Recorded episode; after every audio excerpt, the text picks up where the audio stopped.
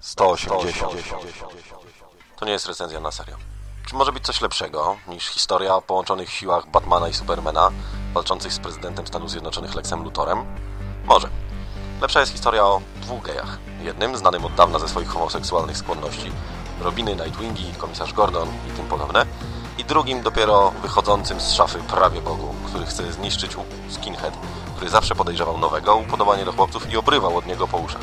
Tak można streścić fabułę najlepszych na świecie. Sześciodcinkowej miniserii wydanej w Polsce przez Dobry Komiks. Chleb znany z Dark Victory, Long Halloween czy Hasha narysowanego przez Jima Lee rozwija w tym komiksie rzecz, którą można zauważyć we wcześniejszych chronologicznie komiksach. A mianowicie uwielbienie do mnogości postaci, jakie oferuje uniwersum DC. Jeśli ktoś niezbyt orientuje się w bohaterach lub jego wiedza na temat Supermana ogranicza się do Clarka Kenta, to jest to komiks w sam raz na poszerzenie tej wiedzy. Możemy podziwiać większość złoczyńców, członków JLA i JSA, kilka postaci z Teen Titans i oczywiście wszystkich przybocznych Batmana i Supermana.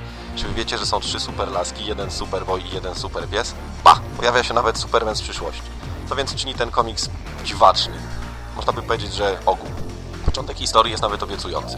Widzimy jak Kal-El zostaje wysłany z ginącej planety Krypton i pędzi przez piękny kosmos, oglądając jednocześnie jak w ciemnej ulicy złodziej zabija Wayne'ów. Potem robi się zdziwniej i zdziwniej. Pojawia się Metallo, który ponoć może być zabójcą rodziców Bruce'a. Lex Luthor ogłasza, że w kierunku Ziemi pędzi meteoryt z planety Krypton. Jakieś 30 lat po rakiecie Supermana pewnie wpadł do jakiejś kosmicznej knajpy na jednego i się trochę zasiedział. Za głowę S zostaje wyznaczona nagroda w wysokości miliarda dolarów. I to dopiero w dwóch pierwszych zeszytach. Niestety, całość scenariusza jest bardzo nierówna. Dobry komiks wydał go w trzech zeszytach, dzieląc historię na mniej więcej logiczne działy. Zawiązanie akcji, środek, czyli wielkie łubudu i wielki koniec.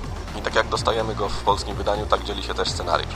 Pierwsza część jest jeszcze znośna, choć widać w niej braki logiczne. Na przykład, skoro kryptonit zabija Supermana, to dlaczego jest on jedyną osobą ocalałą po uderzeniu meteoru? Drugi zeszyt zaczyna powoli przerażać. Superman i Batman w swoich dymkach, bo każdy ma osobny, oprócz innego koloru, żeby się czytelnik nie pomylił, kto co sobie myśli, to jest jeszcze znaczek.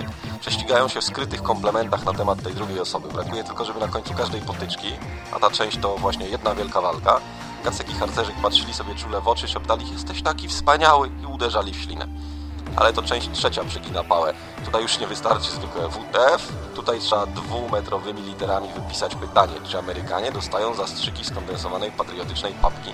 Na kilkudziesięciu stronach Leb serwuje nam rozwiązanie historii. Ba, robi to w moim ulubionym stylu, tylko sobie znanym sposobem, czyli na końcu drugiego zeszytu S i B zostają pokonani. Na początku zeszytu trzeciego okazuje się, że nie. Jak? Dlaczego? Co się stało z tymi, którzy ich ponoć pokonali?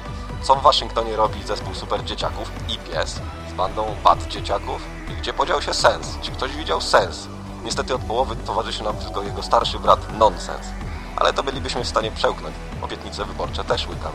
Gdyby nie wspomniany wcześniej patriotyzm. I to gorszy niż patriotyzm Supermana na tle amerykańskiej flagi. Bo w japońskim ubraniu, a dokładniej w wersji Power Rangers. Czy może być coś lepszego niż mroczny rycerz i harcerzyk walczący ramię w ramię? Tak. Wielki robot wielki, supermenowo-batmanowski robot. To znaczy, prawa strona to S, lewa to B.